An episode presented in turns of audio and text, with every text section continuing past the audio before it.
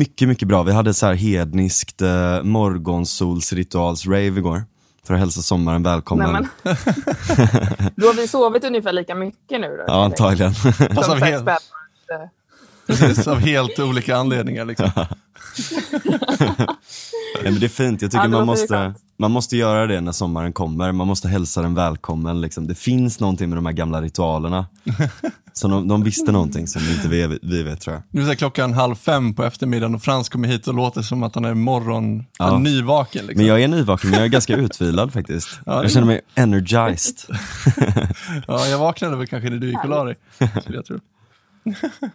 Ja, du har sovit från dess till nu sen, så att du Ja, precis. ändå ifatt. Ja, jag är fatt. Skönt. Han är med. Ja.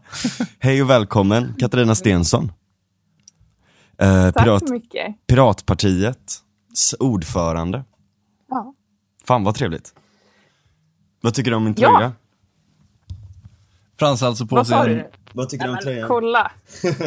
Wow. Du får ju nästan berätta Wow. nu så att folk eh, som lyssnar Ja. vet vad det är du har på Det, dig. det är en, en bild, ja, det är Piratpartiets logga och så är det The Pirate Bay-skeppet och så står det Legalize it.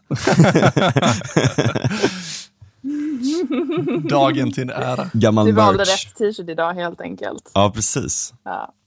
Hur är läget? Jo då, eh, det är bra. Det är bra. Jag, Mm. jag är egentligen eh, på lite så föräldraledighet från, från min roll i Piratpartiet. Så ni får lite så exklusiv Ja. eh, Just det. deltagande ändå. Ja, men det är bra. Man får gratulera. Jag fick en son för fem och en halv vecka sedan. Så att, Oj, oj, oj, det är så pass. Det, yes. Okej. Så det är en, en, en liten skit som håller mig vaken på nätterna. Men eh, det är, helt ärligt så ger det en hel del tid att fundera på olika saker. Så det är ganska kul. När man sitter, sitter och ammar eller sitter vaken på nätterna så har man, har man, man är inte alltid så pigg att tänka men det är mycket, mycket tankar. Ja, men ibland kan det vara ganska bra så. Jag tänker mycket på natten. Alltså, jag, jag, jag tänker ganska bra på natten liksom. Ja. Man kommer in i bra tankespår, spår, det är inte så mycket distraktioner och sådär. Ja. Nej. Sen så, fast däremot så kan man vara lite så här, ibland så hamnar man i så här paniktillstånd för man är så här mer trött och känslomässig så att man tycker Ja. att oj det här var en jättestor grej. Ja, Eller verkligen. världens bästa idé och sen så nästa dag, nej det kanske inte var så, så Klassiskt. mycket. Man står i duschen annars är en väldigt bra tillfälle att komma på saker. Har jag med? För mig i alla fall. Jag sover ju på nätterna. Ja. Till skillnad från vissa andra. Men eh, ja, nej, men när man står i duschen då finns det liksom ingenting att göra. Då står man bara där och bara så här. Ja, men det finns väl en sån där meme, shower thoughts. Ja, precis, just på det. Reddit. Ja, just det. Fan vad dum jag. Ja, det är ju verkligen precis den grejen. Då kommer man på såna här konstiga puns och grejer. Ja, Det är lite meditativt sådär, eller det är liksom meditationsgrejen liksom, att man sätter sig i ett sånt liksom avskalat sinnestillstånd, att liksom man kommer i zen och Ja, så kommer verkligen. de här klockrena guldklimparna från det undermedvetna liksom. Men du, när du sitter och ammar på nätterna, sitter du och tänker politik då? Eller vad, vad är det du tänker då? Ja, ja, men lite. Eller jag är, ju- jag är ganska mycket så här, strateg av mig. Så jag tänker strategi. Så här, och det här ska jag göra och det här ska jag göra. Och sen så när, på dagen så har man sen inte tid att göra det, allt det där som man planerat för på nätterna. Men, eh, men det, är, det är mycket sånt som kommer, kommer i huvudet. Liksom. Sätta planer för, jag kan göra de här, eh, jag vet inte, videoserien med eh, ah, det här temat och sen så kommer man aldrig längre än till att stanna kvar i huvudet än så länge. Men Lätt hänt. mycket strategi som jag kan använda sen senare, tänker jag, när jag har ork på dagarna. Ja, det. Är det för, eh, alltså för Piratpartiet då eller? ja, delvis. Alltså jag är ju som sagt ordförande i Piratpartiet sedan, eh, ja, vad blir det, snart ett och ett halvt år tillbaka. Eh, så ja, dels för Piratpartiet. Eh, dels för, jag driver också ett företag tillsammans med, med ett gäng andra. Så det händer väl att jag tänker på det också. Mm. Vad är det för företag? Eh? Det är ett eh, företag som håller på med digital utbildning. Vi jobbar mot utvecklingsländer i väldigt Mm. Nice. tidig fas än så länge. Men vi, vi skapar en utbildningsplattform för grundläggande läs och skriva och mattekunskaper. Ja. Det där är så jävla bra med internet liksom, eller, och, och liksom det här digitaliseringssprånget vi kan göra att eftersom att man har tillgång till liksom telefoni, eller ja, internet och, och smartphones och allt sånt liksom.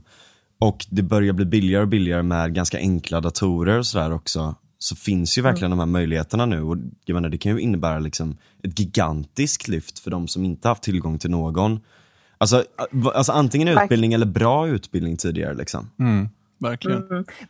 Däremot får man tänka väldigt annorlunda för att eh, det är lätt att vi tänker i att utvecklingen går som den gör här. Eh, men det är ju helt andra förutsättningar. Både att de liksom hoppat över steg och hoppat direkt Mm. till mobiltelefoner. Alltså, eh, att det är det som, är tillgång, eh, som de har. Eh, Mm. eh, inte några datorer oftast.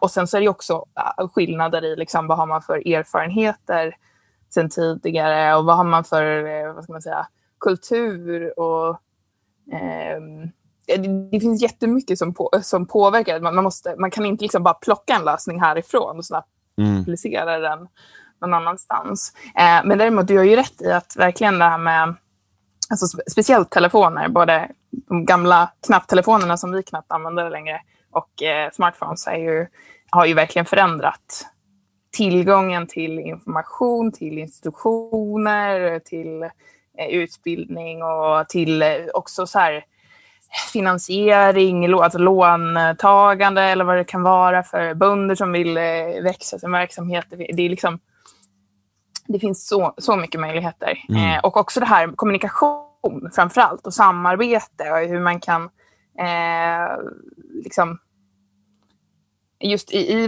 vi jobbat mot Uganda till exempel, där är det typ så här 70 procent är bönder, eller Mm, lever på något mm. sätt som är småska, ofta småskaliga bönder. Och just det här att hitta köpare och, och det där, att man inte behöver ta sig till en stad, till en marknad och hoppas att det finns någon som vill köpa ens bönor och tomater, utan att man har en WhatsApp-grupp Mm. där man arrangerar och så är det någon som kommer och kör runt med en traktor och hämtar upp det hos dig istället för att du kan faktiskt kommunicera med dem som är intresserade av, av det du Mm. har. Det, det, är ju, det är verkligen förändrat vad man kan göra. Mm. Det är ju supernice det där. Alltså. Verkligen.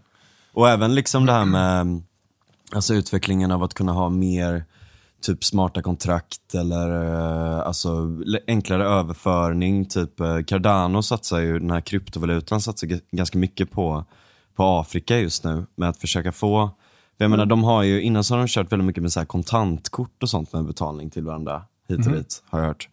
Ehm, Typ Ja. på olika sätt och sådär, men att liksom skapa ett, ram, ett finansiellt ramverk och liksom finansiella institutioner som har liksom interna tillitssystem och sådär som funkar och så vidare. Ehm, det har ju verkligen potentialen att, att kunna hjälpa också, tror jag faktiskt. Men, och det är Och ju även liksom, där får man ju tänka på att de liksom hoppar över ett steg. De hoppar över banker. För det är liksom så här 10 som har ett kreditkort och ett bankkonto ändå, och inte fler. Så de har liksom Mm. hoppat över det och går direkt på mobila betalningar och det ena och det andra. Och, Mm. eh, Ja. Som du säger, alltså, jag har hört att, eh, nej, jag har inte detaljerna, men jag vet att till exempel FN har använt sig av kryptovalutor just för att föra över pengar mellan länder när man inte kan lita på nationella liksom, banksystem och sånt där. ja, Ja, det är ju väldigt bra. Då kommer man runt hela den här äh, korrupta byråkratin ofta. Liksom. Ja, precis. Perfekt. Ja, men Ja. det är ju de, det största problemet där är ju verkligen det att det är så mycket, det är kleptokrati liksom. Ja, verkligen. alltså att det är korrupt som fan. Mm. Eh, och, eh, och man låter liksom ingenting växa från grunden för att man bara liksom plundrar det hela tiden. Mm. Ja, och också det här att det finns en massa gammalt kvar. Och det är, liksom, det är väldigt sällan vi tar bort lagar och tar bort institutioner helt, utan vi liksom bara bygger på mer och mer och Mm. mer. Så att det bara blir krångligare och krångligare och krångligare. Mm. Um, det, det är ju ett hinder. Mm. Ja. Det är ju ett problem vi har även här, att vi bygger ut staten mer och mer och mer. Men Ja. eh, det kanske vi kan komma in på. Men hur, eh, hur länge har du varit, liksom, du sa ett och ett halvt år som eh, partiledare. Men när kom du in i politiken, eller när liksom började du intressera dig? Hur länge har du varit intresserad av liksom, Piratpartiet specifikt? Inte, inte så länge måste jag erkänna. Jag ju en sån här snabb karriär tänkte jag. Ja. det blev som det blev. Eh, Jag har faktiskt bara varit medlem sedan 2014. Mm. Så sex och ett halvt år nu. Mm. Det var ju så här eh, supervalåret där Just 2014 med eh, EU-val och nationella val och Ja, just det. så. Mm. Samma år. Och det var väl i och med det som jag upptäckte eh, Piratpartiet. Eh, Mm. att jag, jag kände väl ganska mycket frustration och så här förtvivlan nästan generellt sett över, över det politiska klimatet och att det inte fanns några visioner. Det fanns ingen som såg liksom, eh, ganska stora förändringar i samhället som sker med digitalisering och automatisering och, och eh, eh hur, hur det ger både möjligheter och, vad ska man säga, utmaningar. Eh, innebär också risker som man måste precis mm. eh, hantera. Så att, eh, ja, jag, kände, jag, jag, tror, alltså jag var så trött på nyheterna ett tag så jag bara så här, jag klarar inte av att läsa. Jag slutade läsa tidningen helt och hållet i typ tre månader för jag bara. Mm. Det är bara skit. Det är bara så smutskastning. Det har inte direkt blivit bättre nu måste jag säga. Men nu, nu har jag liksom ett, mitt hopp i, i, i mitt eget engagemang och i Piratpartiet. Så då känns det, känns det roligare. Mm. Man kan göra någonting eh, för det.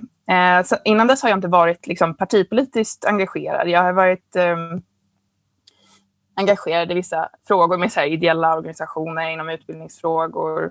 Eh, på med. Jag är ju, har ju mer en naturvetenskaplig bakgrund mm. än en samhällsvetenskaplig som många inom politiken har. Mm, eh, jag är ingenjör i grunden eh, och eh, medan jag pluggar så är jag engagerad i för att få fler tjejer att välja tekniska utbildningar. För det är inom det tekniska som liksom, om man ser var pengarna finns idag, ja. mm. så är inom, inom teknik företagen eh, huvudsakligen. Det är där det växer. Det är, ska man prata om liksom, jämställdhet idag så är det sånt som är liksom, det viktiga. Att vi, vi får in eh, tjejer där också, eh, till exempel. Jag, och sen har jag forskat efter... Jag är eh, fysiker. Mm -hmm. Jag har forskat inom fysik och eh, det var Eh, så där kom jag, fick jag väl upp ögonen för det här med öppen vetenskap och hur viktigt det är med ja, öppenhet verkligen. och tillgång till information och tillgång till kunskap. Eh, och eh, de frågorna som Piratpartiet ju driver. Mm. Och, ehm, nej men där 2014 av en slump så damp jag in på någon bloggpost av dåvarande partiledare Anna Troberg och mm. bara kände att wow, här är någon som faktiskt um, just ser, ser utmaningar i samhället som jag också kan se och ser eh, också har lite av den här positiva visionen eh, mm. framåt och, och vad vi kan göra ändå med teknikutvecklingen. Vi, ska man säga, vi är teknikpositiva, inte på det sättet så att vi tror att teknik är alltid bra, men att Nej, eh, teknik kan ta oss framåt om vi använder oss den, den på rätt sätt så kan, den ges, kan det skapa stora möjligheter mm. för oss. Mm. Ja, verkligen. Alltså det där med teknikoptimism i, i allmänhet, liksom, eller teknik, teknik eh, att vara positiv och sådär. Det behöver inte liksom betyda att allting måste handla om teknik. Eller liksom på samma sätt som om man är för tillväxt eller man för liksom kapitalism eller marknad liksom, eller allting som, som utvecklar och innoverar och allt sånt där. Så kan man ju fortfarande tycka att liksom, ja det är jättebra, men man bör ha värderingar i den också. Alltså man, man bör göra det på ett moraliskt eh, sätt liksom. Ja men en dygdig form av utveckling på något sätt liksom. Mm. Men jag håller helt med. Liksom. Man måste ha mm. värderingar som styr en i de val man gör. Vi brukar prata om att eh, vi vill se en teknisk utveckling med mänskliga relationer i centrum. Mm. Det handlar ju ändå om att tekniken är där för oss. Exakt. Alltså, teknik från början är ju verktyg för, för människan. Liksom. Mm. Eh, eller ja, vi kan, vi kan se större... Det är inte bara... beroende på hur man kan man se större också. Djur och natur och allting spelar också roll. Men ja. eh, teknik grunden verktyg för, för människan. Så hur ser vi till att de gynnar de värderingar som vi vill eh, skapa, eller de principer som vi tycker ska, mm. ska gälla för, för, för oss människor. Liksom. Ja, precis. Så, vi har jag måste, våra, måste fråga snabbt. Vi har faktiskt ganska nyligen uppdaterat vårt principprogram i Piratpartiet. Mm. Så där har vi våra tre kärnvärderingar som är då frihet, värdighet, deltagande. Mm. Eh, som vi sätter då i centrum för liksom, vilka val man vill se styra utvecklingen, både i tekniken och i politiken och så vidare. Då måste man ju sätta de här värderingarna och så se vad kan vi göra för att faktiskt nå, nå dit. Mm. Mm. Ja, det låter ganska lite McCloskey där liksom. Jag tror att hon pratar om ja, men, eh, frihet, värdighet och något mer, ja men typ betterment eller något sånt här självförverkligande eller något sånt där. Mm. Um, Ja, men det, det, är verkligen det är superviktigt det där. Och jag menar inte minst nu när vi har ganska högt välstånd och, och sådär liksom. Så, så handlar det också om vad vi gör med det liksom. Att man får liksom inte släppa det, att det bara är liksom, för det, det kan vara liksom lite den här ingenjörssynen som vissa har ibland som bara handlar om system och som bara handlar om utveckling och som inte tar hänsyn till eh, till det här djupare också, att liksom det är människor som också ska känna att saker och ting är meningsfullt i systemet så att man vill delta, så att man vill, att man känner en tillhörighet, så att man känner att man eh, blir respekterad och liksom ansedd av andra och så vidare. Liksom. Mm. Men Ja, eh, berätta mer, eller förlåt, först och främst måste jag fråga, jag blir så eh, intresserad, eh, vad har du forskat på inom fysik? Eh, kvantoptik Shit heter vad området. coolt. Så det handlar om ljus och eh, ljusets eh, väldigt grundläggande egenskaper och kvantmekaniska egenskaper. Fan vad coolt. Alltså ljus är så jävla konstigt. Alltså, ja, alltså sånt här kan inte jag ens greppa. Jag har försökt, men det går inte. Nej, Det är superspännande, men jag faktiskt hoppade av. Jag började doktorera, men eh, hoppade av halvvägs efter licentiatexamen. Eh, jag tycker ju att ämnet är fantastiskt, fantastiskt kul och intressant, men det var mer så här, den akademiska miljön passade inte riktigt mig. Nej. Nej men det gör inte Ja, alltid det alltså. liksom. Det är ju en värld i sig eh, liksom. Vad sa du? Det är en värld i sig liksom. Akademin. Ja, ja men verkligen. Det är, det, är, det är speciellt. Det finns många bra saker med det och mycket saker där också som jag tar vidare, tar med mig. Just i hur man arbetar så inom vetenskapen, i alla, fall, kan jag, i alla fall inom naturvetenskapen. Jag kan inte riktigt tala för andra, andra vetenskaper, men där eh, öppenhet och samarbete är ju väldigt viktigt. För, Mm. alltså det, är, det är så man jobbar eh, för att kunna faktiskt ska, skapa det bästa, så att säga. Det är den, de metoderna det vetenskapliga samhället har utvecklat Mm. med åren är att vi behöver samarbeta, vi behöver publicera, vi behöver en öppenhet så att vi kan liksom bygga vidare på varandras tankar och idéer. Eh, för det är så vi liksom når någonting bättre. Och det där tar jag väl också med mig, eller det kunde jag också se i, i Piratpartiets eh, tankesätt, eller tank, i Piraters tankesätt ska jag säga. Mm. Ehm, som, eh, som också var en av de sakerna som, som drog mig Mm. eh, till partiet. Vilka områden tänker du främst då liksom? Ehm, eller hur, för ni har, ni har skrivit det här nya programmet nu. Mm. Eh, och lite så, vilka, ehm, vad, är- vad, är- vad är de olika temana här liksom i, i det så att säga? Ja, alltså jag, jag tror programmet börjar med meningen digitaliseringen förändrar allt. Ja. Det handlar väl om att vi går från ett, under de senaste decennierna har vi börjat gå från ett industrisamhälle till ett kunskapssamhälle. Mm. Det vill säga där kunskap, information, data är det som skapar värde i samhället. Du kan inte delta i samhället, delta i ekonomin om du inte kan eh, ta till dig och förädla data eller information eller kunskap på något sätt. Det är liksom det som, både för dig som individ och eh, eh skapar, skapar din möjlighet att delta i samhället och, och också det som värdet i samhället eh, blir centrerat kring. Det är därför data har blivit en så här stor grej inom, eller det är ju numera den huvudsakliga liksom, handelsvaran för IT-företag. Det är där de bygger Mm. sitt, sitt värde Mm. runt eh, också. Ehm, och det här, alltså Piratpartiets ideologi, eller piratideologin, eller hela piratrörelsen, ehm, är ju centrerad runt det här. Vi är nu, vi går in i ett kunskapssamhälle. Vad, eh, vi, vi måste liksom ställa om från att vara institutioner och allt system är anpassade för ett industrisamhälle till att de anpassas för ett kunskapssamhälle. Och vad behöver vi, vad behöver vi då när det gäller utbildning? Hur kan vi stimulera innovation eh, och framsteg och, och liksom, så, eh, fungerande demokrati i, i ett kunskapssamhälle? Mm. Eh, hur kan vi eh, vet det, stötta de här värdena, frihet, värdighet, deltagande och i, slut, i, slut, i slutändan ha egen makt på något sätt. Alltså, Mm. Att du själv ska ha en sorts kontroll och makt över ditt liv. Eh, hur kan vi stimulera det i, den, i det här samhället och se till att det också finns en...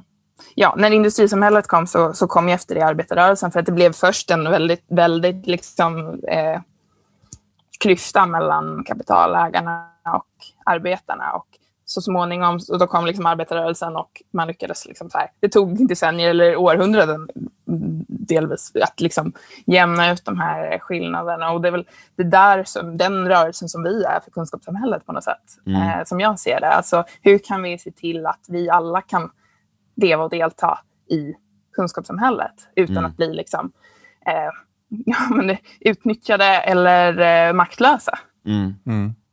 Verkligen. Hur, hur gör man det praktiskt då? Uh, vad, vilka, vilka tror du är de viktigaste områdena man måste jobba på där? Oj, um, det är ju mycket. Alltså det, det som vi uh, väl kanske uh, just nu fokuserar ganska mycket på, skulle jag vilja säga, och som ni säkert kommer se mer nu inför valet mm. från oss, är ju kring hur våra institutioner fungerar och liksom vårt demokratiska system. Och vi behöver mer eh, öppenhet. Vi behöver, eh, ett, liksom, vi behöver kunna skapa ett förtroende mm. i samhället mellan de som styr och de som är och medborgarna. Jag menar, staten är till för medborgarna. Det finns ingen mening med staten om det inte är för medborgarna. Ja. Mm. Eh, och då måste vi också ha möjlighet att kontrollera mm. staten och hur den fungerar. Mm. Vi behöver eh, minimera korruption, vi behöver maximera insyn i bland, hos de som har mm. makt. Eh, vi behöver också öka medborgares möjlighet att påverka. Och det handlar både om liksom klassiska metoder som kanske fler folkomröstningar, om det så är lokala, kommunala, i kommunerna eller på nationell nivå, men också liksom andra sätt att stärka eh, transparensen och, och, och, ansvarsutkrävandet också mm. eh, hos politiker. Det, det, är ofta så att, att eh, jag menar, i så undersökningar och så, så ju Sverige, kommer ju Sverige ofta högt när det gäller att vi har låg, eh, låg korruption. Mm. Men det är ju oftast upplevd korruption, det vill säga. Och det, är, mm. det beror mycket på att, att vi inte kan ställa folk... Vi har ett system där vi inte kan utkräva ansvar. Ja, verkligen. Mm. Ja, det är, det är en jävla viktig fråga det där. Uh, inte minst, liksom, och det har säkert varit så långt, långt mycket tidigare också. Liksom. Och nu så ser man det mycket mer på grund av att liksom, saker och ting går ut i sociala medier det kommer mer läckor, det är enklare att visselblåsa och så vidare. och Så vidare. Så att det kanske är så att det bara är mer nu på grund av liksom, de här olika faktorerna. Liksom. Men det känns på de senaste, ja sen, sen 2014 liksom, men säkert som sagt långt innan det också.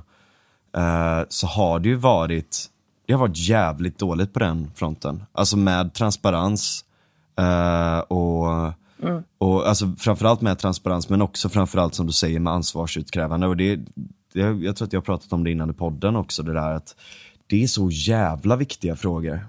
Också typ transparens, hur mycket skatt betalar man? Vad går det faktiskt till? Uh, jag tror Johan Norberg sa det när han var här, liksom att om, om han fick välja en enda politisk, liksom den viktigaste politiska uh, policyn man skulle kunna ändra så är det att uh, liksom synliggöra skatterna. Liksom. Ja, alltså, han hade en idé om att eh, vi skulle inte betala någon skatt överhuvudtaget förrän dagen innan valet. Då ska man betala in all skatt för de senaste fyra åren. han tänkte att det var en bra, bra morot för att rösta på rätt partier. Nej men alltså, då, ja, men det är ju precis en sån grej. Om, om man ska prata skatter så är det verkligen så. Det är väldigt mycket skatter som man inte ens märker av att man betalar. Mm. Det är byggt väldigt mycket så att, att um, man tror att man betalar mindre skatt än vad man egentligen gör. Mm. Och så ser man inte vart de går till och mm. när folk fuckar upp och leker bort pengarna då finns det ingen som tar mm. ansvar. För tjänstemännen skyller på politikerna, politikerna skyller på tjänstemännen. Och så bara rinner det ut i sanden alltid. Mm. Mm. Ja, och verkligen. Och där kan man ju, om man ska, prata mer om liksom hur gör vi det, där kan man verkligen få in det här det tekniska. Alltså det finns ju tekniska lösningar idag som skulle göra det jättelätt att bara synliggöra liksom budgeten och utgifter och vart saker går till. Det mm. handlar ju bara om att liksom de är ändå inknappade i något system någonstans. Så det handlar ju liksom bara om att sammanställa det. Ja. Eh, för att man faktiskt ska kunna se vart pengarna går någonstans. Precis. Mm. Blockchain. ja, till exempel. Mm. Mm. Nej, men jag tänkte en annat är ju det som är, det som ju är Piratpartiets område där vi började, alltså kring upphovsrätten. Och, mm. eh, upphovsrätt och patent och, så vidare. Ehm, att få eh, att öppna upp även där. Det mm. handlar ju om att stimulera innovation och kunskapsdelning och, eh, och eh, att, att fler tillgång till kunskap. Det är ett jätteproblem inom vetenskapen till exempel, alltså hur det, hur det fungerar med publicering. Och det, både på det sättet att journalister eller jag vet inte, gymnasieelever som vill göra ett arbete eller forskare i utvecklingsländer som inte har råd med liksom, Eh, alla de här svindyra prenumerationerna på vetenskapliga eh, publikationer, de kan inte delta i, de kan inte få tag på viktig information eh, mm. som, som kan göra nytta eh, för många. Liksom. Eh, och, eh, och det är också det att de systemen är liksom utdaterade på det sättet att det tar, lång, det tar lång tid med den här typ, gamla typen av publicering. Man ser det nu i och med pandemin och med alla all data som kommer fram och allting med vaccinerna som ska gå jättefort. Eh, att, eh, att vi förlitar oss på preprints numera, alltså det vill säga sånt som forskare publicerar direkt utan mm. peer review-systemet. Och det är ju inte så bra egentligen, för peer review-systemet är bra, mm. men det behöver liksom hela det här, det gamla systemet, det funkar inte. um, men även inom andra områden, um, ja, när det gäller eh, medicinpatent och det ena och det andra så finns det väldigt stora fördelar eh, med att, att öppna upp. Eh, vi hade kunnat få vi, nu har vi vaccinerat de flesta i Sverige, men det är många utvecklingsländer där man inte knappt har vaccinerat alls ännu, för man får inte tillgång till vaccinen, för det produceras inte tillräckligt mycket. Och om man hade öppnat upp patenten så hade fler kunnat producera och vi hade, inte, vi hade varit i ett, i ett bättre läge än det vi är. Fast jag är lite osäker på det, faktiskt. Alltså, det är inte jag. Ja, nej, men, och jag, alltså, så här, jag, jag är verkligen inte så, liksom, en jättestor förespråkare av upphovsrätt och sådär, men jag tycker ändå så här, att, eh, eller jag läste ganska intressant, eh, lite intressanta grejer på just det där. Eh, med att det stora problemet ligger inte i patenten per se egentligen, för att du kan ha sådana leasingsystem där du leasar ut patentet till någon som vill producera det. Problemet är typ med, mm. framförallt med mRNA-grejerna och sånt där också, att det finns inte labb som kan ha en sån produktion i de här länderna. För utrustningen finns, finns inte liksom det är för dyra produktionssätt till det då. Och, och liksom brist på eh, råmaterial och, och liksom såna här jävla påsar och det ena och det andra och flaskor och så här. ja. Nej, men det är väldigt mycket sån fråga vad jag har förstått. Och en sak som jag tycker är lite, eller tycker och tycker, ett, ett, ett orosmoln i det här, det är ju det att, mm. okej okay, men typ Pfizer, Moderna, AstraZeneca, alla de här liksom, att de lägger extremt stor stora resurser på att ta fram de här kort och snabbt liksom. Mm. För att de också vet att de kan gå med vinst på det sen. Um, ehm, EU kanske en förutsättning för att de ska verkligen vara så, så otroligt snabba som de har varit nu. Och om man sen bara slänger bort de patenten och gör att, nej nej nej, nej men nu har ni lagt hur mycket pengar och tid som helst på det här. Uh, men nu ska vi öppna upp det här. Kommer de vara lika snabba nästa gång det händer då? Finns incitamenten kvar? Jag kan inte svara exakt på den frågan, men jag kan säga det att uh, ungefär, uh, man kommer fram till att ungefär 96 procent av finansieringen, om man ser hela kedjan av de här vaccinen, är statlig finansiering, alltså mm. skattefinansierat. Är det det? Inte finansierat av företagen. Därför att grundforskningen och olika typer av stöd till de här företagen och forskningsinstitut och det ena och det andra kommer från skattepengar. Så man kan också fråga sig varför ska den vinsten då hamna hos de här företagen i slutändan? Ja. Ska inte vi skattebetalare också motiveras att betala eh, skatt? Vad ska, ska inte vi, här är den här frågan relevant tycker jag. Vad ja. får vi för pengarna? Är det så Sen mycket? är det också lite grann av en fråga där ja. man liksom, ja, någonstans så utgår ifrån där vi har varit och behöver ta ett kliv åt ett annat håll. Liksom. Och då kommer det alltid finnas förlorare som har gjort saker i det gamla systemet och som kommer förlora på att vi går in i ett nytt system. Mm. Jag tänker på, det har ju varit väldigt mycket snack om eh, marknadshyror nu mm. på Twitter väldigt mycket. Och då är det liksom samma retorik där, att så här, ja, ja men det är ju inte egentligen i, i marknadshyror som problemet ligger, att vi har en bostadsbrist. Nej, alltså visst, det, det finns liksom, det, det kanske inte är enbart det, men det motiverar inte att man har kvar det gamla systemet. Förstår du mm. vad jag mm. menar? För att ett, gör vi ett nytt system så kommer det föda andra strukturer. Jag menar att innovera och så vidare, det behöver man inte ha de här stora eh, toppstyrda, vi kanske inte behöver göra allting centralplanerat. Liksom.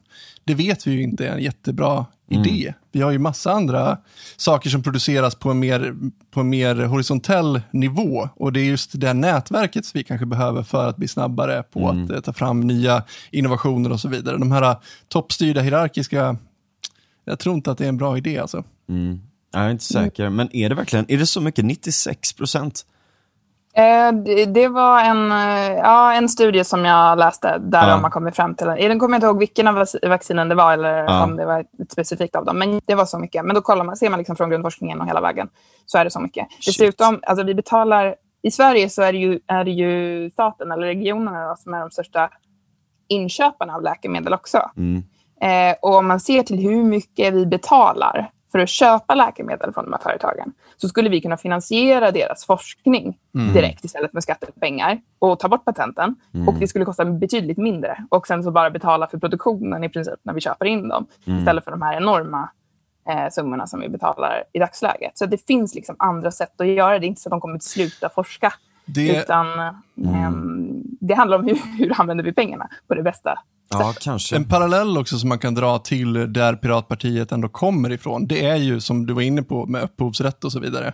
Och då Mm. hörde man väldigt mycket samma argument där, att vi har tre stora skivbolag som äger ta fan allt. Liksom. Och är det så att vi skulle släppa på patenten där, då kommer vi inte ha någon musik framöver och det finns inga incitament att lägga in massa, att skapa en ny Britney Spears som det var på den tiden då. Och då är frågan liksom så här, okej, men kommer folk verkligen sluta innovera inom musik bara för att det inte finns tre stora skivbolag som har patent på ta fan allt som har gjorts liksom? Och att din enda chans som musiker är att få en deal av det här skivbolaget, annars är du helt irrelevant liksom. Internet skapade ju en platsstruktur som gjorde att demokratiserade hela branschen. Liksom. Och då har vi ju staten som kliver in och bara, här, nej, vi ska inte göra det här. Så här får ni inte hålla på. Vi måste ha de här strukturerna. Och det är för mig en, en eh, fiende. Alltså. Ja, det är De lite är- korporativistiskt. Det är liksom. exakt vad det är. Ja, Och det är, inte, Ja. det är inte bra för innovation, tror jag. nej. Det hämmar. Då får vi bara Britney Spears. Mm. Nej, men det är precis Eller det. Metallica. Du kanske är lite antingen eller liksom. Att antingen så, så kanske man gör det mer åt liksom marknadshållet och så. Och, eh, och d- även där kan man ju se över upphovsrätten liksom. Eller så gör man det liksom på riktigt då liksom genom eh, offentliga resurser och sådär liksom. Men att just nu så, så, så liksom att pumpa in skattepengar som sen blir vinst eh, och om det här nu stämmer med att det är så mycket eh, för alla liksom, eller för många liksom och sådär så måste man ju, ja då kanske man verkligen behöver se över det, det det är nog en poäng alltså. Men det, för det där är ju intressant i allmänhet liksom med utbildningssäten och sånt där, att i USA och sånt så skapar de ju ganska mycket eh, skalföretag till universiteten. Eh, eller olika sådana här, liksom, att de har ju rätt att bilda egna företag under, under sig då. Chalmers har det också. Det är typ, jag tror att det är Chalmers och kanske Jönköping som har det. Det är typ de enda som är fria, alltså inte statliga utan stiftelsedrivna tror jag. Mm, okej. Ehm, och de, Chalmers har ju några så här företag under sig och så också. Ehm, och det är ju liksom lite konstig struktur, fast samtidigt kan det nog vara ganska intressant också tror jag. Jag vet bara att, eh, att i USA så, så finns det också, eller många universitet där har ett, ett krav, eller har i kontrakten med forskarna att de äger liksom halva rätten till, eller halva patentet och forskaren äger halva i princip, eller man har rätt till halva vinsten var. Eh, och det är ju eh, en av de sätt som de här universiteten faktiskt finansieras. Förutom att de har donationer så, så finansieras de mycket av de här patenten då som skapas. Medan i Sverige så är det faktiskt så att det är forskaren som har hela rätten till patenten. Så vi har statsfinansierade universitet, men sen har forskaren rätt till hela Mm. eh, patenten. Så, så det finns definitivt motivation i, i det här systemet som vi har, alltså för, för forskaren att själv Mm. eh, ta patent om de känner att det är Just det. eh, eh, deras väg att gå. Ehm, och det finns ingen del av den här som kommer tillbaka till universiteten. Mm. Hur ser ni på, på akademin och sådär liksom? Typ, eh, alltså i dagens läge så är det ju, det finns ju väldigt, väldigt mycket som man hade kunnat göra mer effektivt. Typ med, alltså, och det har vi sett nu också under corona så här med, att det funkar ju med distansundervisning. Det är inte lika nice, men det funkar ju. Har ni, har ni tänkt någonting runt det här, så här MOOCs? Ja, vi har verkligen tvingats in i, i en och- ny... I en, i, vi har tvingats in i framtiden i och med corona. Ja, väldigt mycket. verkligen. Nej men hur ser ni på det typ? Jo, men alltså, vi är ju för lite alltså, större flexibilitet generellt sett i utbildningssystemen. Att man ska kunna kanske kombinera sin egen utbildning lite mer. För att vi, vi, vi eh, lever i en värld där saker förändras väldigt snabbt. Och, och eh, det kan vara så bland annat de här vissa utbildningar nästan blir obsoleta innan de är, innan du är klar, tänkte jag säga. Men, eh, och också att det finns väldigt många väldigt många olika specialiseringar som du kan ha idag i samhället. Det behövs. Eh, Mm. Vi behöver folk med olika specialiseringar och sen behöver de samarbeta. Det är liksom Mm. för att ah, ingen kan veta allt Nej. idag och det är inte lika renodlade yrken idag heller som Nej. det har varit förr. Mm. Eh, så det behövs en större flexibilitet. Och det vi, om, om man ska säga konkreta saker som vi har i vårt utbildningspolitiska program så är ju det att MOOCs till exempel och andra typer av, av eh, ja, nya typer av utbildningar behöver kunna vad heter det, verifieras. Alltså du ska kunna Mm. tillgodoräkna dig de som faktiska poäng Ja. och få in dem i, ditt, i din utbildnings... Liksom, att, de- att de ska valideras exakt, eh, exakt. och, och, eh, och kunna vara del av en, en, Mm. en Ja, man får utbildning då, certifikat exempel, liksom. Jag har gått det här. Mm. Så att det behövs liksom någon typ av kanske standardisering av det där så att det, så att det, så att det funkar med resten av utbildningssystemet. Mm. Ehm, och sen, så, sen tror jag att det automatiskt nu kommer bli så att, att universiteten faktiskt, i och med att vi har kastats in i det här att vi måste liksom, Mm. eh, digitalisera, så tror jag att vi kommer se mer av det Mm. mm, nu helt enkelt. Att, att fler kurser går eh, digitalt, att man kanske kan ha hela utbildningar på distans eller eh, vi kan ha deldistansutbildningar. Mm. Det, det hade jag, ja, efter att jag hoppade av min forskare, eh, forskare min doktorering så eh, valde jag att hoppa på en så här kompletterande lärarutbildning. Så jag har en lärarexamen nu också, jobbar som högstadielärare. Du måste vara Sveriges mest utbildade partiledare. Ja, precis. Jag brukar säga det, jag samlar på examen. eh, nej, men men det, det är en sån här eh, en ettårsutbildning då, eh, Mm. bara. Eh, som, som, eftersom jag hade ämneskunskaperna då i, i NOn redan. Mm. Eh, och den gick på deldistans och det var ju så här supersmidigt. Man pluggar hemifrån och så ses man 25 dagar tror jag på ett år. Mm. Mm. Det som är så nice med det är också, alltså det öppnar upp för liksom det livslånga lärandet eh, och liksom omställnings, det har ju varit väldigt på, på agendan nu liksom, också med nya avtalet mellan eh, eh, vad heter det, Svenskt Näringsliv och, nej men ma- man har ju pratat där om, om liksom omställningspolitik då. Att liksom i en snabbt skiftande ekonomi så behöver vi kunna ha flexibilitet för att det är många områden som kommer att påverkas radikalt och det kan gå väldigt fort. Ja, Typ ja, visst. när vi uppnår en tillräckligt hög automatiseringsgrad av bilar, boom, hela liksom, transportindustrin, eller i alla fall stora delar av den, ehm, och eh, ja, inom massa olika andra områden sådär också. Ehm, och liksom i allmänhet också, att det är många företag som lätt blir obsoleta ganska snabbt idag. Och det, jag menar, det är en kreativ förstörelse som är jättebra och jätteviktig och jättenyttig för alla. Liksom.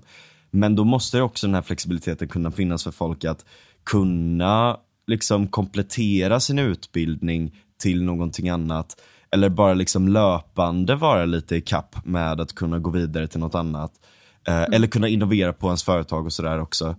Ehm, eller bara så här, om man vill ändra spår någon gång och sådär också liksom. Ehm, och där är det ju så jävla bra med sådana MOOCs som är liksom korta och effektiva. Ehm, och som sagt enkelt att få liksom cert- certifikat på.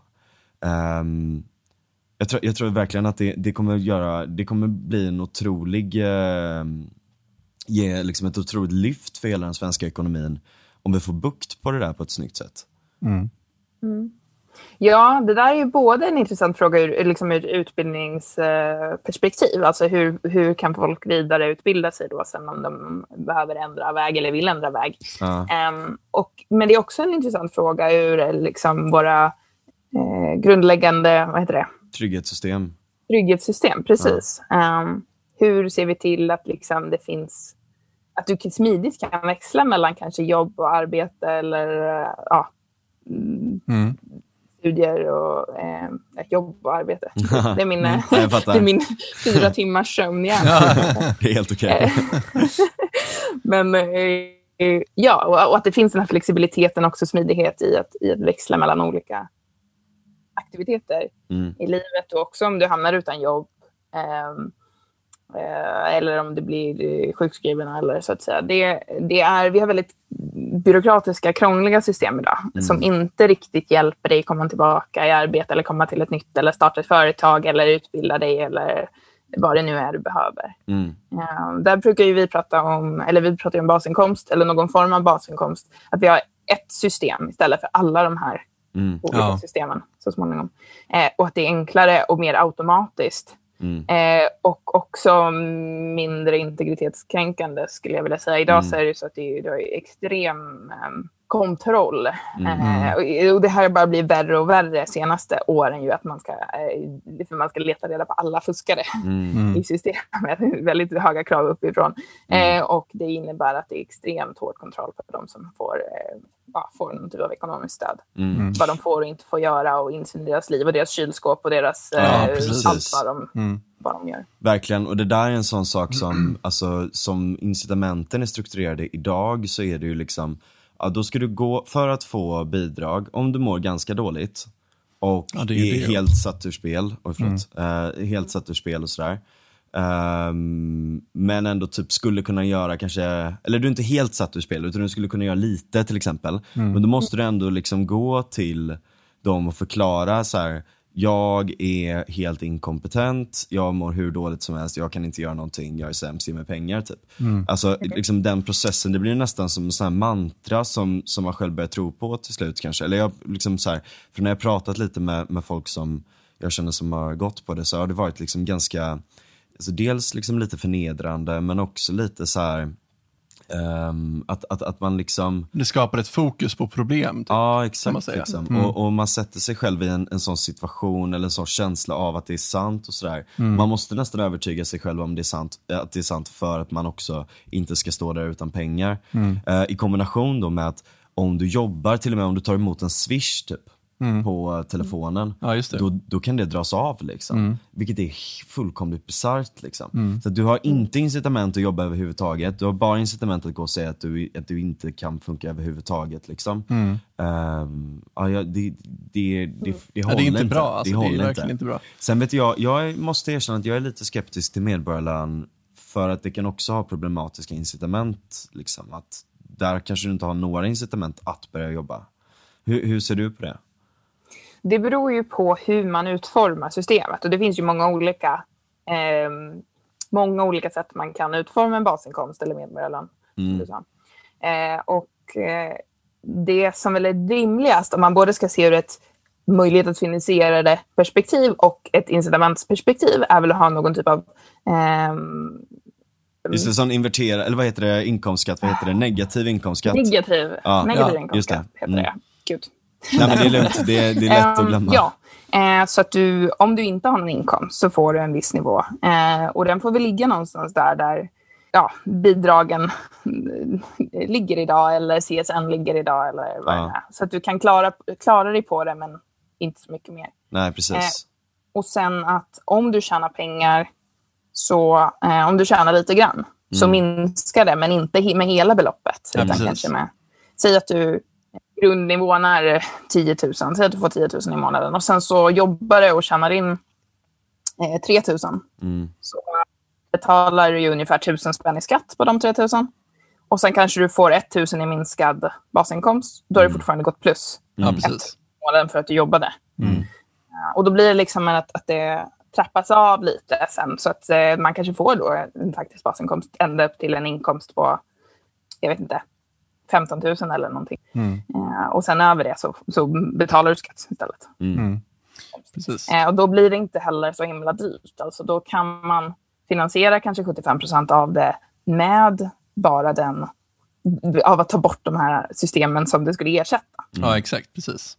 Och då ersätter man också CSN och man ersätter eh, kommunala försörjningsstöden och, Mm. eh, och så. Vi har ju redan Arbetsförmedlingens alla satser. I, eh, för, gam- för äldre. Garantipensionen är ju en basinkomst Mm. Mm. i princip. Ehm, så Just det. Det, får man väl testa i så fall och utvärdera för fler, fler grupper. Hur det skulle kunna funka, hur man kan utforma systemet för att skapa rätt incitament.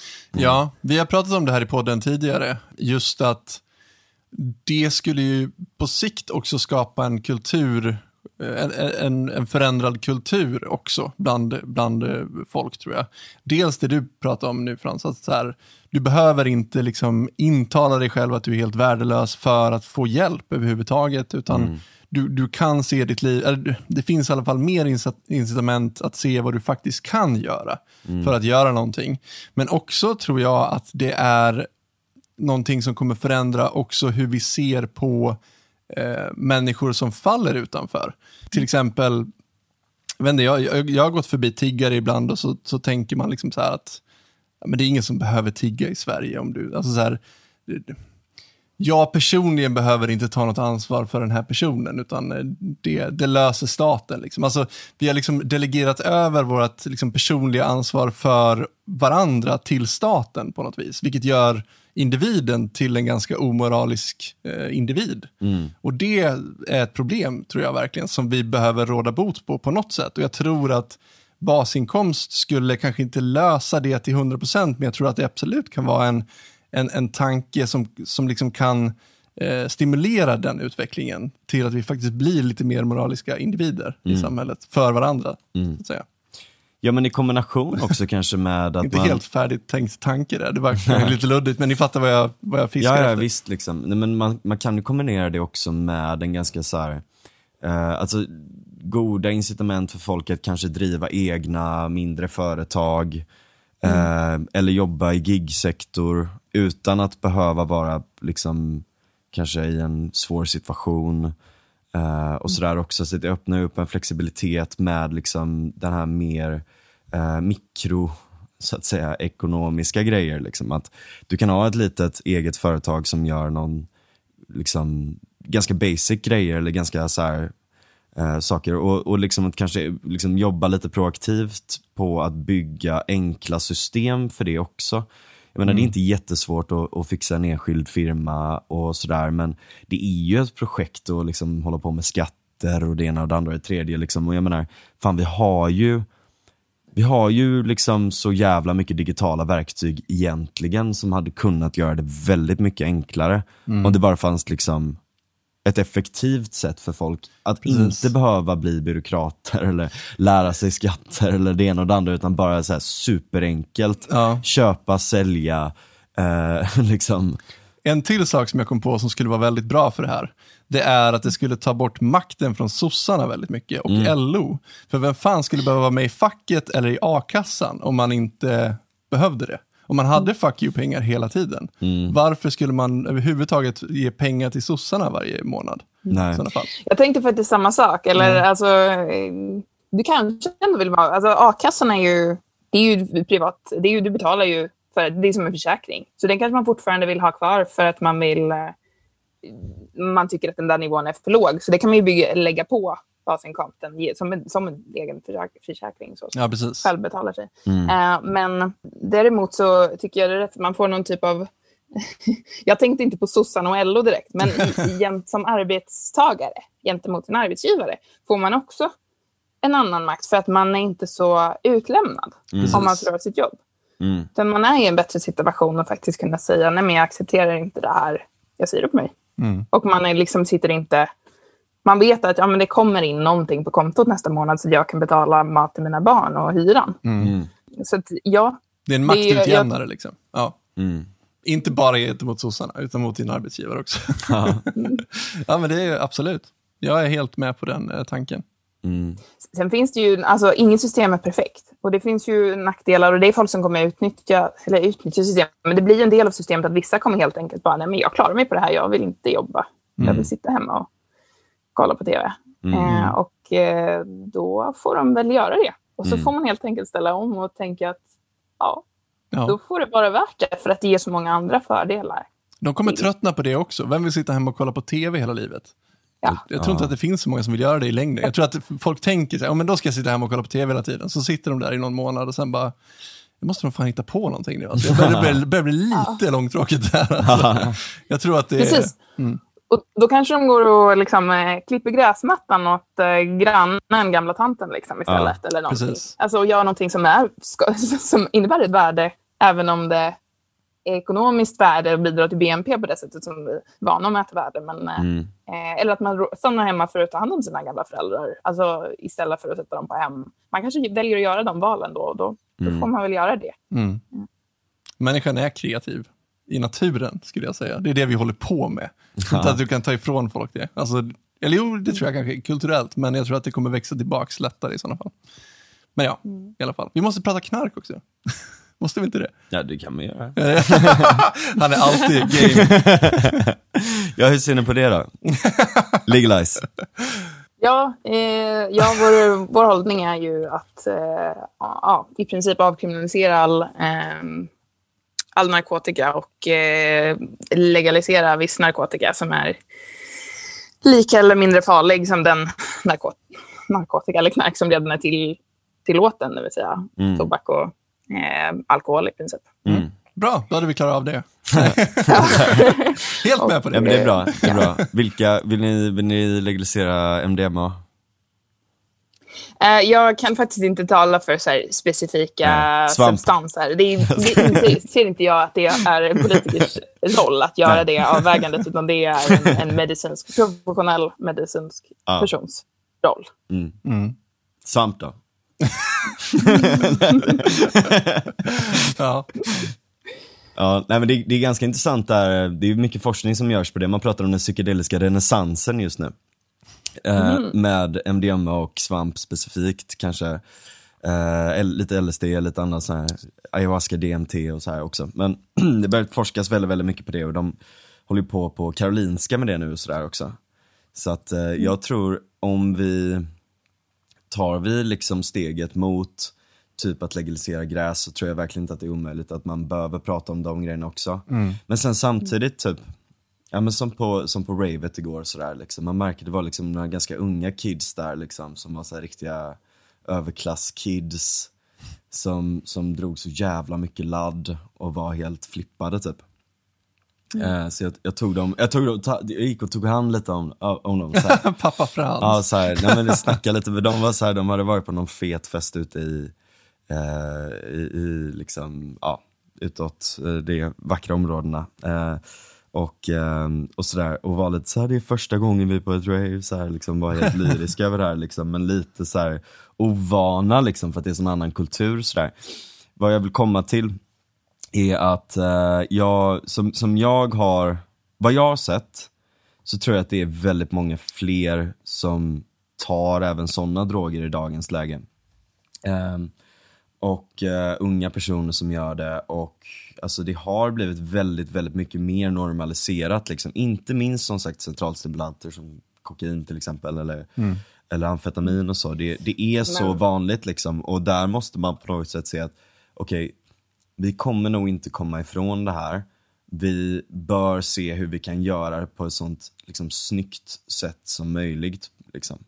Och se till att kanske inte kids Mm. Ja, får tag på det. och där handlar det ju också väldigt mycket om att skilja på olika, att, att inte ha den här den, synen på knark som, som man har haft i Sverige länge, att knark är bajs generellt. Utan man måste se till olika substanser och vissa bör definitivt inte legaliseras och Mm. andra kan man legalisera. Och en del av den här, han, eh, liksom, det här kom, man kan inte bara liksom legalisera avkriminalisera utan någonting mer. Utan med det här måste man också ha en strategi för informationsspridning så att eh, man känner till vad som är eh, farligt och vad det finns med risker. Nu är det så himla mycket eh, tabu att det liksom bara är så, nej, men, inget knark. Så att, Mm, så att det mm. blir att, att unga då som kanske, de, de vet inte skillnaden på, på det ena och det andra och vad det innebär för risker för dem. Mm. Eh, Exakt. Så att det är väldigt, väldigt viktigt att, att informationen kommer med. För eh, det, det finns ju risker med dem, likadant som det finns otroligt stora risker med tobak och, och alkohol också, så finns det ju stora risker med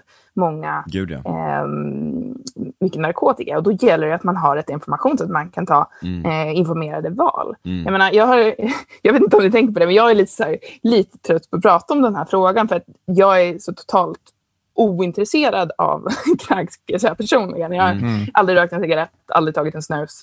Jag har druckit alkohol. Mhm. Men eh, i, och inte liksom, jag har inget personligt intresse av det här överhuvudtaget. Men jag vet att det är många som råkar illa ut. Och just det här att minimera skadan av det är, måste liksom verkligen vara centralt. Verkligen, Mm. verkligen.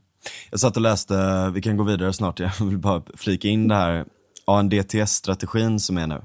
Jag satt och läste den eh, i dagarna och det är, det är så dåligt, dokumentet. Det är som att det är gjort av eh, liksom gymnasieelever typ. Var det det du satt här ute och läste på terrassen? Ja, exakt. just det. Alltså, och, och grejen är att det är så jävla konstigt för att de pratar ju om folkhälsa då. Att, att, ett folkhälsoperspektiv och allt sånt där. Men det handlar ju bara om idealet, ett narkotikafritt samhälle, som Det de kopplar ja. till den mänskliga rättigheten. Ett värdigt, eh, eller rätten till hälsa och rätten till ett värdigt liv, på tal om värdigt liv då. Så de kopplar det till det och säger att därför så liksom, ska vi ha idealet om ett narkotikafritt samhälle för att eh, om du tar knark så har du inte ett värdigt liv och du har inte hälsa. Så därför så är det här folkhälsopolitik. Eh, och det är grundat i mänskliga rättigheter. Men pra- praktiken av det är ju tvärtom. Liksom. Alltså att du får större ohälsa, mindre värdighet. Eh, och du, Ja. du bryter mot en jävla massa andra av de här faktorerna som har ställts upp också. Så att det är totalt helt tomma ord, det är politiska. Alltså liksom, Ja, men det är lite politiskt man- språk bara precis. för, för Man- liksom... eh, Man vill komma runt någonting Ansvar. istället för att, ja men, det, jag, jag, min association är lite grann till liksom så här, den amerikanska konstitutionen, liksom att så här, alla människor är skapade lika, liksom, eh, vi, Mm. vi har samma värde och bla, bla. Samtidigt hade de slavar och de bara, ja fast de är ju inte människor. Man bara, så okej, men ja, ja. Så då gjorde de dem till inte-människor, bara för att då var det okej att vara slavar. Liksom. Man kommer runt problemet för att man, ja, det är ett nyspråk och Ja, det är så precis. provocerande. Men låt oss gå vidare. Integritetsfrågan. Och, eh, liksom, och, och liksom dels den frågan, dels liksom runt Ja men hela liksom big data-grejen, liksom att man kan ta in så jävla mycket, men också runt liksom ja, alla olika möjliga delar, statlig övervakning och sådär också. Liksom. Det har ju varit en av era liksom, stora frågor eh, som har misshandlats av de andra politik- politiska partierna. Alltså det, det görs verkligen extremt stora inskränkningar på ganska kort tid. Ehm, jag, f- jag förstår faktiskt inte hur det inte har kunnat bli en större debatt runt de sakerna. Nej. Det har blivit lite större det här året för att det har gjorts mer. Allting från i början av corona började man diskutera olika spårningsappar och eh, så har det blivit det, ja, det ena och det andra. Eh, I och med det som, som har gjort att, att diskussionen kring det har ökat lite men det är fortfarande inte alls den, den samhällsdiskussion vi skulle vilja se kring de här Mm. frågorna. För det, det har gjort sådana enorma inskränkningar. Eh, framförallt eh, om, man, om man pratar om en statlig övervakning så handlar det om inom brottsbekämpningsområdet. Att det är en sån huvudfråga nu, brottsbekämpning och polisen behöver alla metoder de kan få anser man för att, eh, för att eh, stoppa kriminalitet oavsett vad det är för konsekvenser för våra fundamentala rättigheter som det är i det här Mm. fallet. Det handlar ju om liksom att vi behöver och det, är svårt att argumentera emot för att det ena, liksom, brottsligheten har en direkt effekt, effekt på människor medan integritetskränkandet har en eh, det har en direkt effekt på vissa människor men för de allra flesta så är det en indirekt effekt. Att det är Mm. långsiktigt, att det bryter ner våra system, våra demokratiska system. Panoptikon. Det här med att Ja. ständigt vara övervakad så att du ändrar ditt beteende liksom. Precis, om man är övervakad så är man inte fri att agera som man vill utan man, man är försiktig med vad man gör och vad man säger och så vidare. Nu är det ju så idag att, alltså, som du sa, det, här, det, det är inte bara statlig övervakning som vi eh, utsätts för utan det är ju mycket kommersiell övervakning som utsätts för idag. Och det gör ju att kanske fler accepterar den statliga övervakningen för att vi är ju ändå så övervakade och det är väl ändå bra, bättre att vi gör det för, för att bekämpa brottslighet än att Facebook gör det för att tjäna pengar. Liksom. måste vara mer eh, motiverat. Och Mm. det kan man ju säga, det kan man ju, det kan jag förstå eh, på ett sätt att man eh, tycker. Men det innebär, ju inte, det innebär ju inte att det är rätt utan snarare att det företagen gör är väldigt fel. Mm. Mm.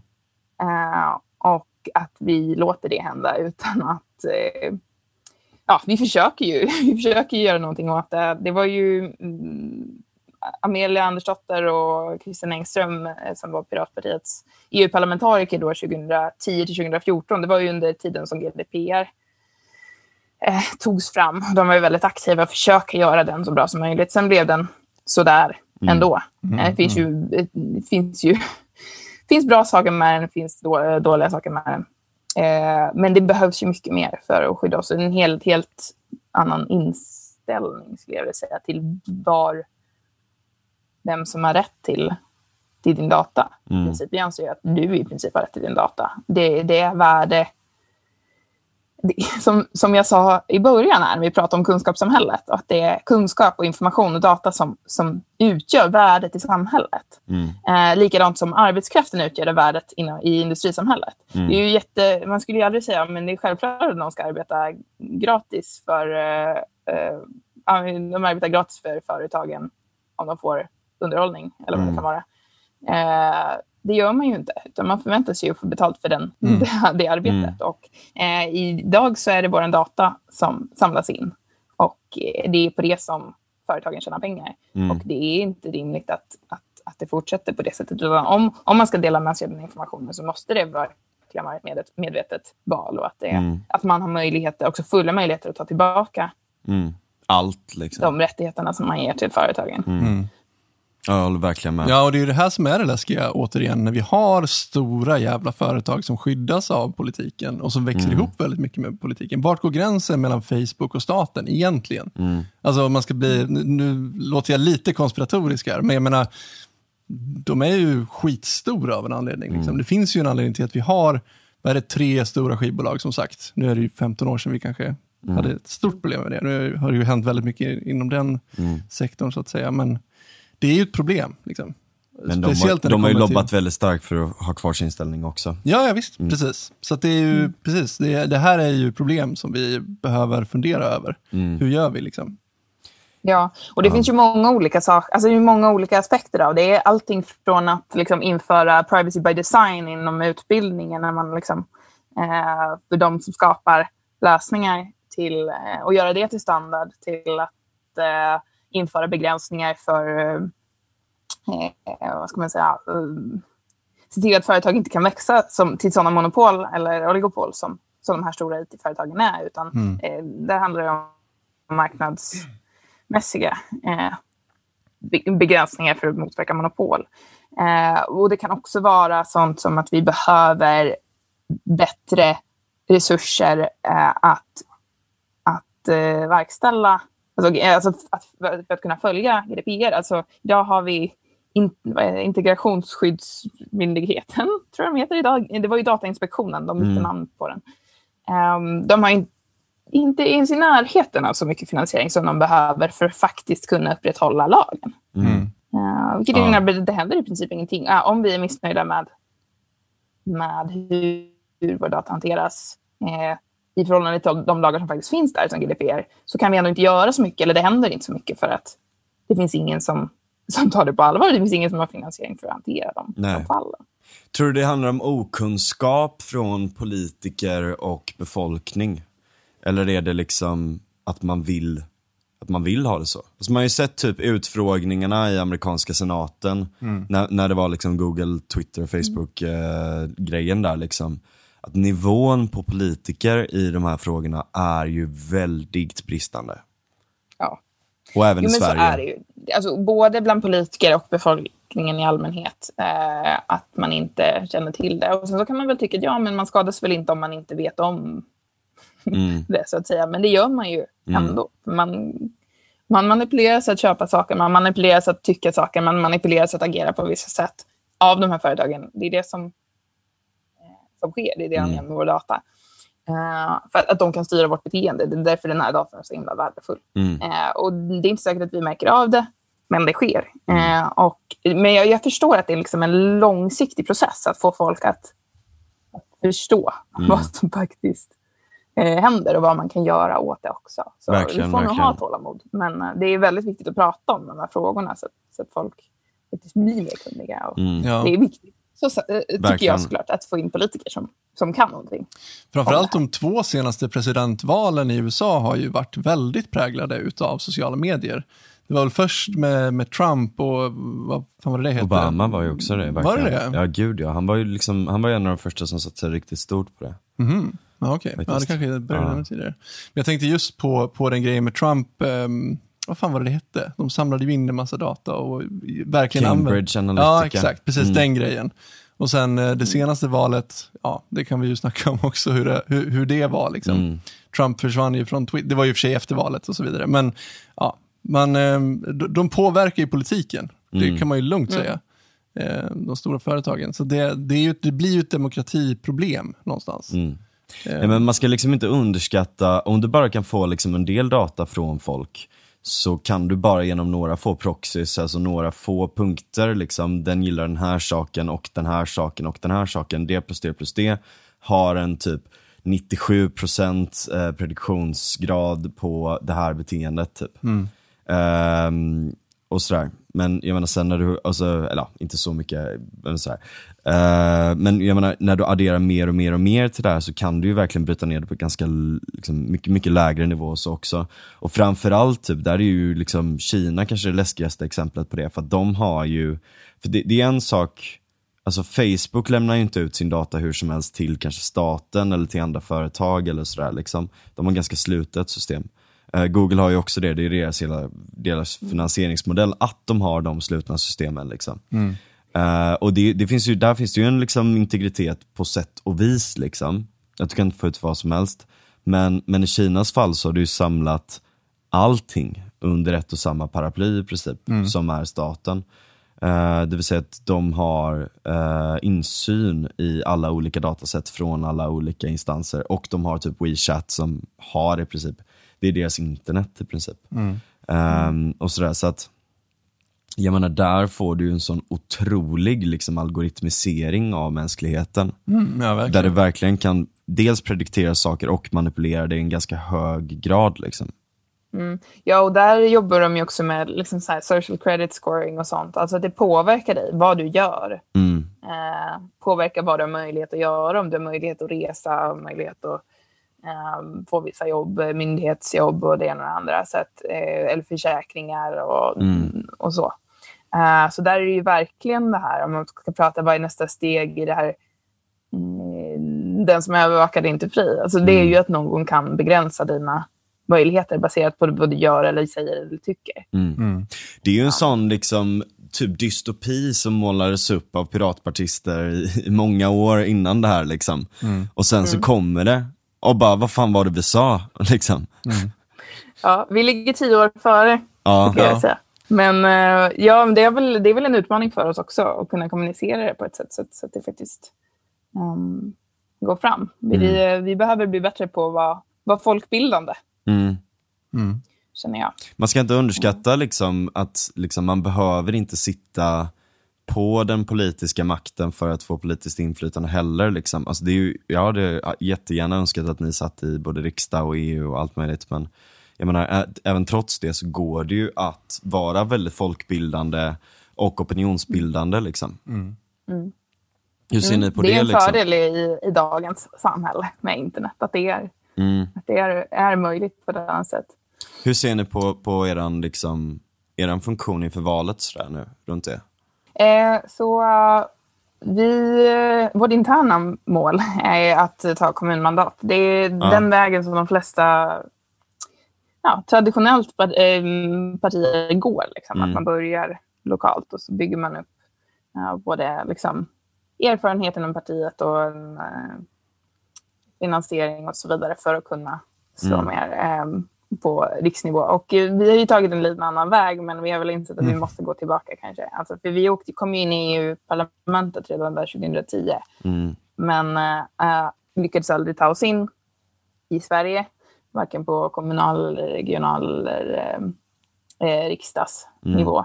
Eh, och eh, det har varit interna eh, stridigheter och annat inom partiet där runt 2014 som gjorde att vi har fått börja om. Mm. Mm. Eh, och eh, vi är på väg framåt, men det tar sin lilla tid. Liksom. Så vi jobbar inför valet med de här frågorna eh, som, som är aktuella väldigt mycket både på, på lokal nivå och på riksnivå. Just, just det här med liksom medborgarinflytande och transparens och fungerande institutioner och de här demokratiska frågorna och möjlighet att, att, för dig att, att påverka och delta i samhället och just stärka upp eh, transparens och ansvarsutkrävande och det ena och det andra få uh, ja, eh, mer effektiv användning av pengar och så vidare. och så vidare. Det är någonting som man kan jobba med väldigt mycket, Verkligen. både på kommunal nivå och på nationell nivå. Så därför lägger vi väldigt fokus, fokus där, Mm. eh, skulle jag vilja säga. Även om vi har, eh, vi har inte riktigt eh, eh, satt våra valfrågor Nej. ännu. Nej men det, det är intressant, men det, och det finns en potential liksom. Mm. Eftersom att ni liksom, jag menar ni kan ju också, eller någonting ni borde göra är att ha liksom träffar och så också. Alltså satsa väldigt mycket på de här liksom, fysiska mötena, eh, öl till självkostnadspris, någon föreläsning eller någon, någon snack eller du vet sådär liksom, att bygga det från det hållet tror jag hade varit jävligt grymt.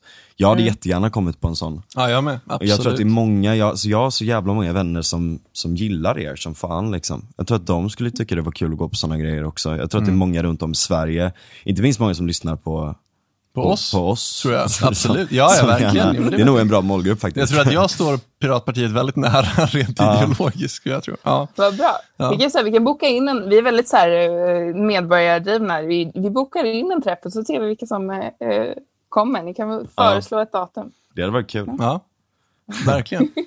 Ja, men jätteintressant verkligen. Mm. Ehm, är det liksom, är det någon sista fråga som du skulle vilja passa på att lyfta? Nej, alltså vi har ju... Vi har gått igenom Jag är mycket. glad att vi pratat lite om det här med liksom, kunskapssamhället och de här stora förändringarna som, som sker i samhället och, och hur, vi, hur vi måste jobba med, alltså du säger, flex, eh, som vi pratade om, flexibla system och både när det gäller utbildning och våra trygghetssystem och det ena och det andra. Eh, och att vi behöver se också eh, de positiva delarna. Vi pratade nu om, om eh, big data och datainsamling. Data behöv, det är viktigt att tänka på det också. Data behöver inte vara dåligt. Alltså Nej. man kan göra mycket bra med det. Det finns ju mycket data som inte är absolut eh, alltså personlig på det sättet eller, eller känslig. Eh, som vi kan använda för att förbättra samhällstjänster och det ena och det andra. Jag brukar ta ett, e- exemplet eh, om man, ett bussbolag kanske gärna samlar in data om var det är, var olika liksom, passagerare är och rör sig och var, hur, att det är olika mycket eh, folk på olika ställen för att kunna anpassa sina turer och så vidare. Men tänk om man istället hade perspektivet från medborgaren, att medborgaren kan få information om var alla bussar befinner sig hela Mm. tiden så att de kan anpassa sin, sin resa till, till var det är lite folk eller um, var, var det är snabbast eller vad det nu kan vara. Mm. Eh, alltså att man behöver ha medborgarperspektivet istället för det där företagsperspektivet. Speciellt, alltså politikerna behöver ju ha det, för det är klart att företagen har företagsperspektivet. Mm. Så att politikerna måste ju komma in och ha medborgarperspektivet. Och, eh, där kan man jobba eh, med att, jag vet att det, det finns vissa städer, till exempel Barcelona har haft en väldigt, eh, väldigt intressant liksom, strategi kring upphandlingar och sånt här, där man ställer krav på, på upphandlade företag att, att den data de samlar in, som inte är känslig, då, eh, ska bli öppna data, så att andra i liksom småföretag och organisationer och så kan Mm. använda sig av den datan för att optimera tjänsterna för medborgarna i, i kommunen. Liksom. Mm. Eh, så det finns ju många sätt man kan jobba med det här på ett positivt sätt, men man måste just ha liksom, eh, det medborgarperspektivet, frihetsperspektivet, sina värderingar med sig och, och eh, de, ja, liksom att vi ska ha ett, ett demokratiskt eh, system som fungerar. Så att, eh, just det här, liksom, vilket perspektiv har vi? Det tycker jag är väldigt, väldigt viktigt, vilket vi har som po- politiker och att vi alltid vet att vi, vi är där för medborgarna. Mm. Just det. Ja. När, när är du tillbaks på, eh, från, från eh, föräldraledigheten sen? Eh, I september, Ah, Okej, Mm. väldigt så kort. ett år innan val, så då blir det Ja. Ja, fart. då blir det Jag, ska, jag, jag är fortfarande föräldraledig från, mina, från mitt riktiga jobb. Ja, just då, det. Men jag kommer tillbaka till partiet. Det är ju inte mitt... Vi jobbar alla som, eller vi är alla volontärer i Piratpartiet. Mm. Det ska bli väldigt kul att följa er Ja, val verkligen. valrörelse. Jag hoppas att, eh, ja, jag hoppas att det blir något, eh, något bra av det och att, Mm. eh, att ni får vara med lite i leken sådär. Verkligen. Kul. Ja, men ni får jättegärna tipsa vidare så att jag Ja. blir inbjuden till fler sådana här eh, ställen. För det är må många bäckar små. Mm. Ja men verkligen, det tycker jag. Det är ett perspektiv som är väldigt eftersatt bland de andra partierna. Det är en fråga som är extre- eller frågor som är extremt viktiga eh, och som, där ni har så jävla mycket kompetens, många av er. precis. Så jag hoppas verkligen också bara för hela liksom, samtalsklimatet, att vi även kan få diskussioner om de här sakerna som faktiskt är så jävla stora och påverkar oss så mycket. Liksom. Mm. Precis. Tack så jättemycket. Ja, verkligen. Tack så jättemycket att jag fick vara med. Super, superkul att Mm. prata med er. En ära ha det gött. Hej då!